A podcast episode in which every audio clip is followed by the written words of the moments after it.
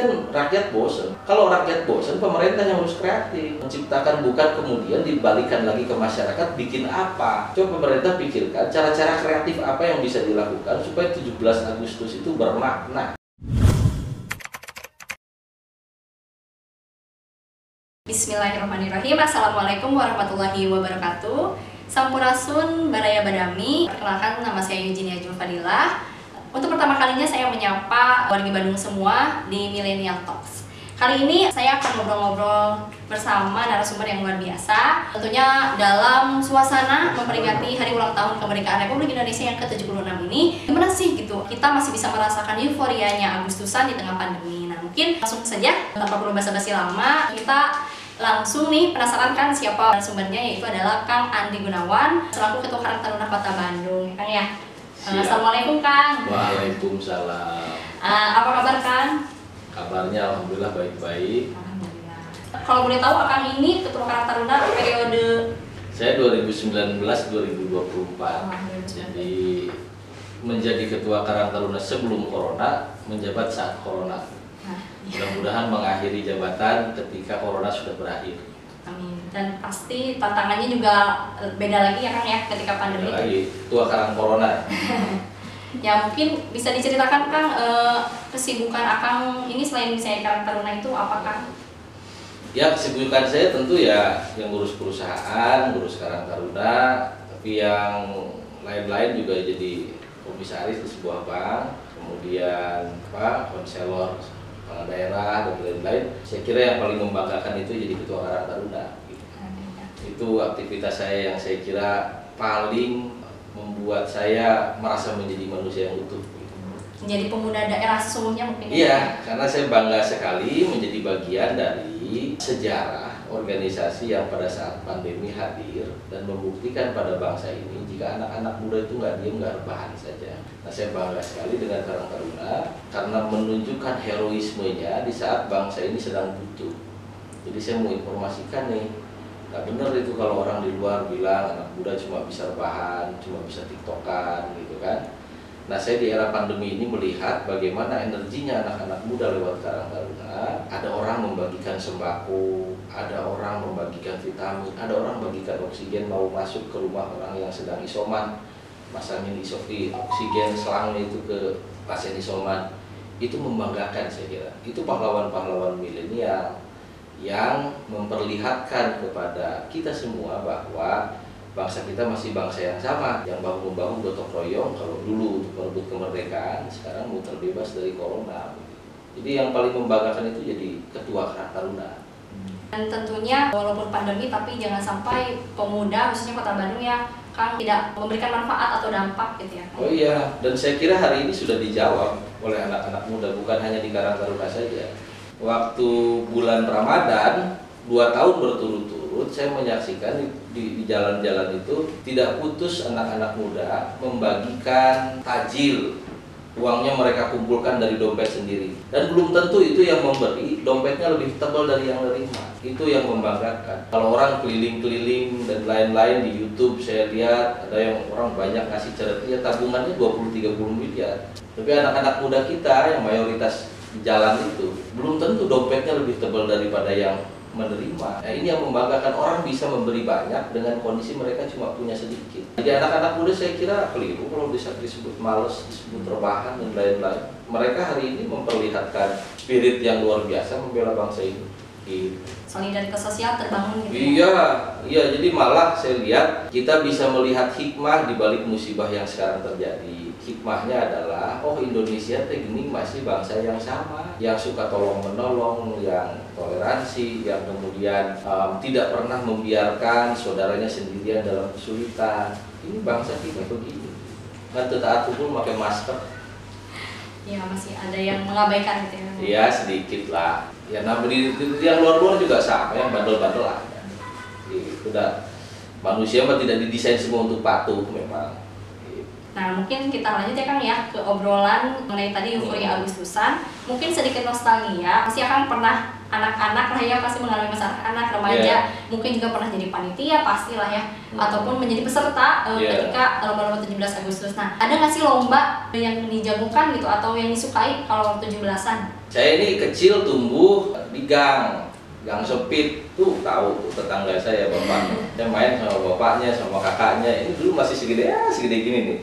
Oh, gedenya gede begini dan agak ganteng sekarang.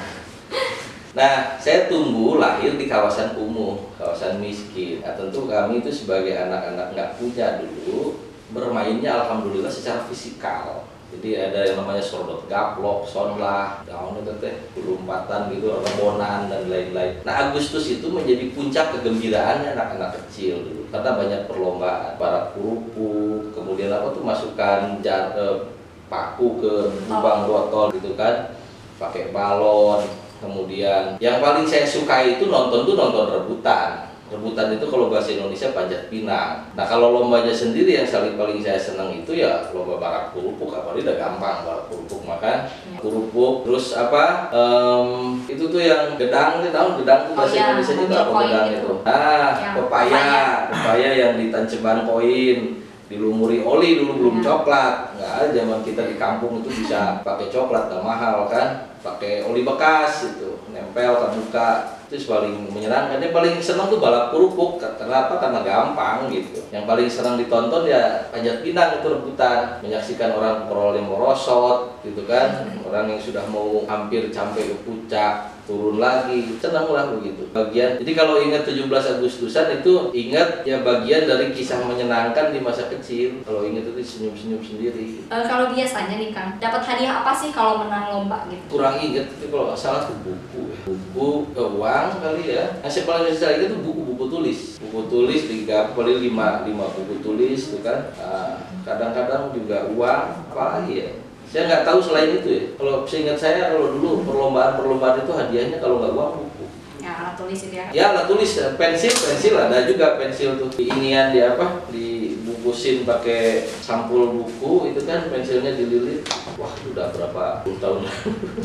Nah, eh, menurut Akang kenapa sih gitu? Kalau 17 itu identik dengan lomba-lomba? harus. Ini kan generasi milenial ya. Tentu ingat lagu Fireworks Katy Perry. Iya. di salah satu liriknya itu uh, like a fireworks in the 4th of July. 4th July itu kan tanggal kemerdekaannya Amerika. Ini mungkin karena Amerika menegara mampu. Kalau 17 Agustus itu ya mungkin ada pesta kembang api. Di mana pun di belahan dunia mana pun yang namanya kemerdekaan sebuah bangsa harus dirayakan karena satu itu adalah harga diri bangsa di belahan dunia mana pun termasuk di Indonesia. Jadi kalau tadi di Amerika atau di negara-negara lain hari kemerdekaan itu diekspresikan dengan menyalakan kembang api dan lain-lain pada prinsipnya itu adalah upaya bagi mereka menjadikan hari kemerdekaan mereka istimewa. Nah di Indonesia juga saya kira sama kemerdekaan kita rayakan karena itu merupakan ekspresi dari kegembiraan kita lepas dari penjajahan setelah setelah sekian ratus tahun. Saya nggak tahu tuh coba tanyakan ke ahli sejarah kan saya bukan sejarawan. Dari mana asal usul balap karung? Dari mana asal usul balap kerupuk? Dari mana asal usul panjat pinang dan lain-lain? Coba ditanyakan. Tanyakannya jangan ke saya ahli sejarah gitu kan. Tapi saya kira mungkin ada balap karung karena ya waktu itu kan belum ada segway, belum ada otoped dan menurut eh, otoped mau balap otoped menurut kan. Kalau balap kerupuk mungkin karena kita bangsa Indonesia kalau orang Italia mungkin lomba makan spaghettinya atau mungkin panjat pinang saya nggak tahu terus sejarah. Tapi saya kira begini teh, kemerdekaan bangsa kita memang harus dirayakan dan dibuat hari itu menjadi sangat istimewa. Kalau kita muslim menjelang Idul Fitri itu kan kita puasa dulu 30 hari. Sebelum Idul Fitri yang nggak punya pun memaksakan untuk membeli baju baru. Rumah tiba-tiba kita cat itu satu minggu menjelang Idul Fitri. Berhari-hari menjelang Idul Fitri, tiga atau dua hari sebelumnya, satu hari sebelumnya, kita ini beberes rumah, bikin kue, masak. Sehingga pada hari raya Idul Fitri terasa kesahduan Idul Fitri. Sepulang dari sholat Id itu kita berkumpul di rumah, salam-salaman, bermaaf-maafan, kita merengkuh kepangkuannya orang tua menangis dan lain-lain. Terasa betul kemeriahan suasana Idul Fitri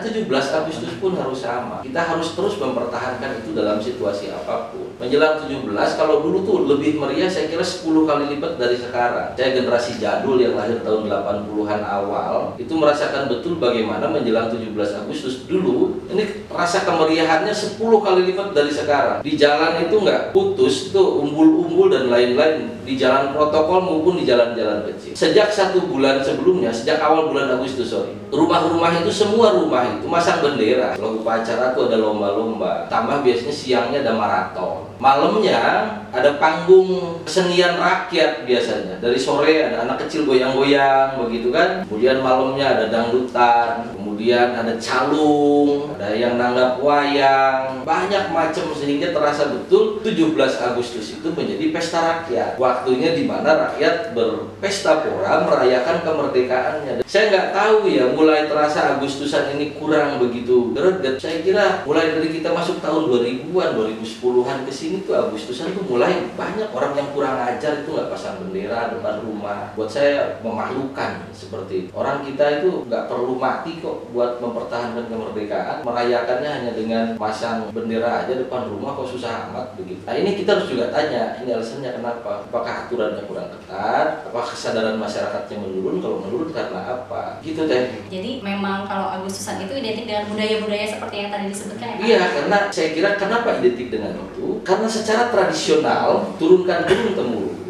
kita ini bergembira merayakan kemerdekaan kita. Jadi ruhnya itu kegembiraan itu karena kita merdeka dari penjajahan. Diturunkan tahun ke tahun, diestafetkan dari satu generasi ke generasi lain. Dalam proses menurunkan nilai ini mungkin di satu titik tertentu nilainya menurun, menurun meluntur sehingga perayaannya tidak semeriah dulu. Wajar kok kalau mungkin kita itu memproklamirkan kemerdekaan itu kan kita 45 ya. Kemudian kita berjuang tuh 48 49 agresi militer dan lain-lain. Ya mungkin awal tahun 60-an ketika kemerdekaan kita udah diakui internasional, jatuh tanggal 17 Agustus, orang tuh bereforia mengenang perjuangan mereka dulu diwariskan tahun ke tahun dan lain-lain sampai hari ini ya itu sekali lagi saya mau ada lain itulah bentuk ekspresi kegembiraan rakyat yang memahami dirinya sendiri bahwa kita adalah bangsa yang merdeka. Dan kita patut berbangga karena kemerdekaan kita bukan hadiah seperti bangsa-bangsa lain yang usah saya sebut. Ada yang kemerdekaannya dihadiahkan oleh penjajahnya. Kemerdekaan itu kita rebut. Tahun 45 kita merdeka kita diagresi militer dulu tentara sekutu datang ke kita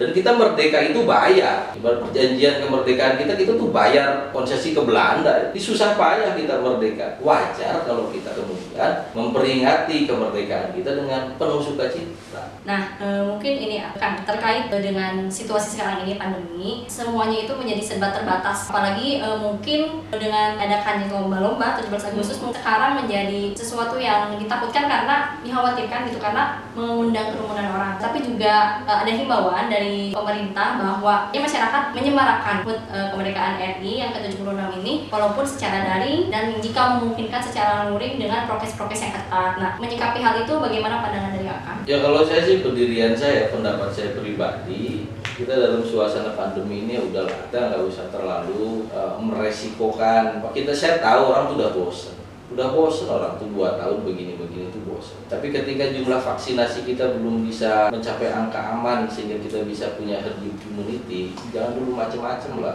Agustusan didorong-dorong kita untuk bikin lomba, untuk bikin ini itu, masjid aja masih tutup gimana gitu masjid itu. Jadi saya mau sampaikan begini loh. Mari kita ciptakan suasana khidmatnya itu 17 Agustusan minimal pemerintah bisa memastikan semua warga kota itu masang bendera di depan rumah. Kedua, banyak cara-cara yang kreatif yang bisa kita lakukan supaya Agustusan ini masih meriah. Contohnya apa? Kenapa kita nggak pakai helikopter Polda, helikopter Kodam itu buat misalkan muter-muter bawa bendera gede dan lain-lain sehingga kerasa gitu orang tuh bahwa hari ini 17 Agustus tanpa kita harus berlomba-lomba yang meresikokan kesehatan orang bareng-bareng banyak-banyak. Atau misalkan begini, bisa nggak kita buat rekor kita buat untayan rantai kain kertas terpanjang dari Soekarno Hatta sampai ke ujung dari ujung timur sampai ke ujung barat. Kan banyak cara-cara yang bisa kita lakukan cara-cara kreatif untuk membuat 17 Agustus ini meriah. Tanpa kemudian kita harus ngumpulin dulu banyak orang misalkan beginilah bisa nggak jam 10 tanggal 17 Agustus seisi kota diwajibkan untuk keluar dari rumah mukulin ember atau ngelebet-ngelebet bendera? Di film pakai drone. Atau dadah-dadah ke atas. Ada drone sekian banyaknya kemudian videonya dikompilasi dikirimkan ke HP-HP warga gitu hasilnya. Kan banyak cara-cara kreatif. Kita harus merayakannya dengan meriah bukan berarti kita mendorong-dorong masyarakat buat kerumun-kerumun buat melakukan lomba-lomba yang itu berbahaya. Ujungnya kita nyesel lagi nanti kalau rumah sakit kita penuh lagi, kalau oksigen langka lagi. Karena di garis depan saya mau lihat anak-anak saya itu bagaimana mereka ngantri oksigen, anterin jenazah dari rumah isoman BRSUD buat dimandiin. Itulah, tapi kan rakyat bosen. Kalau rakyat bosen, pemerintah yang harus kreatif, menciptakan bukan kemudian dibalikan lagi ke masyarakat bikin apa. Coba pemerintah pikirkan cara-cara kreatif apa yang bisa dilakukan supaya 17 Agustus itu bermakna. Apa pesawat jet kita suruh putar-putar dua jam begitu kan di luar kan banyak cara lah supaya Agustusan ini bermakna. Tapi memang harus dibuat meriah bermakna tapi dengan cara apa ya cara-cara kreatif. Pemerintah pikirin itu dong caranya. Kan tugasnya buat mikir. Jadi bagaimana caranya pemerintah memfasilitasi pemerintah itu kan fungsinya regulator. Mereka yang atur mereka yang urus mereka yang pikirin harus apa rakyat mengeksekusi. Jangan dibalikin lagi ke rakyat. Hei coba kalian bikin lomba-lomba apa daring apa luring yang bisa memperingati Agustus. Nah, masyarakat nanti ngatur dirinya sendiri. Kalau sudah masyarakat berkerumun dibubarin ya salah lagi masyarakat gitu kan? Disalahin lagi dibubarin lagi. Rumah sakit penuh deh gitu kan. Harus ada apa ya? Arahan konkret dari Arahan konkret. Dong pikirin caranya gimana. Kalau pemerintah kan punya anggaran, pemerintah kota itu punya anggaran, punya staf banyak, punya resources yang cukup. Dipikirin dong caranya gimana, cara-cara kreatif. Jangan dibalikin lagi ke rakyat, rakyat yang melaksanakan. Jadi masih banyak cara atau alternatif kreatif lainnya untuk bisa Banyak saya lihat contoh konkret ya yang tadi saya sebut. Masyarakat bisa keluar jam 10, semua serentak sebandung disorot oleh drone dari atas dan lain-lain. Hasilnya dikirim lewat WhatsApp ke nomor-nomor warga semua atau kemudian juga di atas ada helikopter, pesawat jet atau bisa putar-putar. Kemudian juga bisa jam 10 masyarakat dikoordinir semua eh, teriak merdeka selama 2 atau 3 menit didokumentasikan, kemudian ditayangkan di filman atau kita bisa buat rekor muri apalah misalkan untayan bendera terpanjang mengelilingi kota Bandung. Banyak kalau kita mau mikirnya kreatif yang bisa kita lakuin. Tapi yang penting saya kira pemerintah hari ini nggak boleh abai. Fenomena bahwa banyak orang nggak pasang bendera ini harus dipikirin dan disikapin. Nggak boleh diam-diam aja. Yang saya sesalkan sampai dengan hari ini pemerintah kota diam ketika kita saja anak-anak muda tahu bahwa banyak orang yang nggak pasang bendera. Apa mereka bisa belikan benderanya gratis, ditancepin sama aparatur kewilayahan kan. Kita nggak boleh diem ini. Jangan-jangan 5-10 tahun ke depan nggak ada orang pasang bendera merah putih waktu Agustusan. Nah, ini vital menurut saya. Ini bukan fenomena yang main-main lihat. karena memang memasang bendera di depan rumah pun itu bukan hal yang sulit dilakukan. sulit, ya. gampang. Ini urusannya sama idealisme, ini urusannya sama awareness orang terhadap kebangsaan dan lain-lain.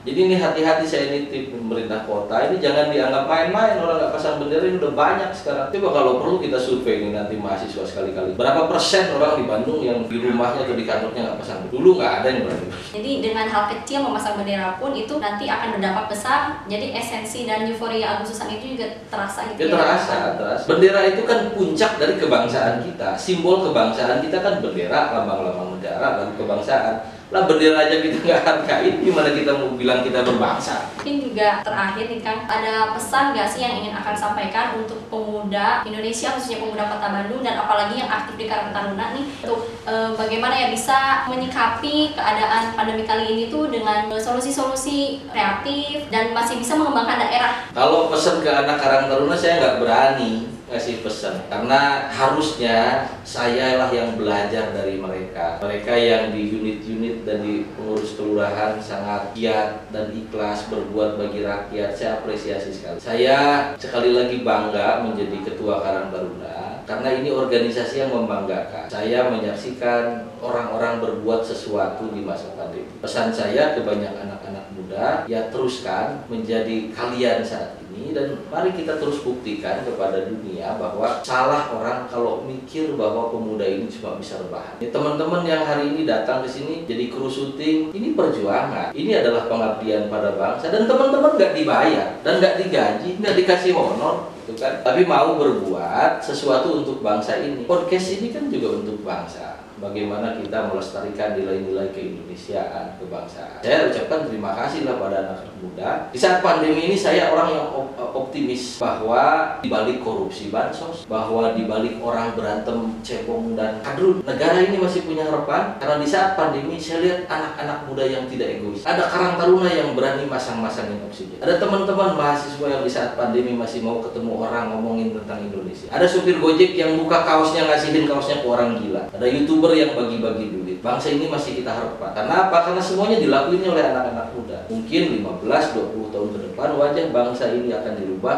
oleh generasi yang hari ini mengalami pandemi. Bisa optimis kalau bangsa kita masih tetap punya harapan jadi bangsa yang gede. Jadi memang optimis itu paling penting ya menjadi suntikan utama buat kita bisa bangkit. Ya, kalau kita Daripada- pesimis terus mah berhenti hidup aja. Buat apa hidup dalam sesuatu hal yang kita nggak yakin kita mau jadi bisa apa-apa? Mungkin tadi pesan yang sangat berharga sekali yang bisa kita dengarkan dari Kang Andri selaku Ketua Karang Taruna. Eh, terima kasih banyak Kang sudah menyempatkan waktunya. dan saya juga ucapkan terima kasih pada teman-teman. Ini saya yang udah bangkotan agak-agak tua ini saksi bahwa teman-teman ini generasi yang membanggakan, generasi yang luar biasa dan saya regret laku orang yang sudah mau berkepala empat melihat ini yang umurnya masih belasan atau puluhan awal ini mau melakukan sesuatu di saat pandemi. Nggak dibayar, nggak dibiayain orang, nggak diongkosin orang, mau berbuat sesuatu. Terima kasih sama-sama juga Kang. Eh, terima kasih untuk Akang yang sudah menyempatkan waktunya. Mungkin lain kali kita bisa lebih diskusi di luar sana ya Kang yang ngopi-ngopi lagi. Bangga kalau sudah tempat kopinya nggak 25 menit. Kalau kopi 25 menit tunggu order sampai kopinya datang aja udah mau 15 menit. Mau ngomong udah disemprit satpol. Jadi mungkin Badami semua di sini sahabat Badami bisa mengambil nilai-nilai yang tadi kita udah sharingkan bersama dengan Kang Andri. Mohon maaf jika ada perkataan yang kurang berkenan. Mungkin di lain waktu kita bisa sharing kembali dengan bahasan yang lebih menarik lainnya. Saya Jinia Jufadila eh, mohon undur diri. Wassalamualaikum warahmatullahi wabarakatuh.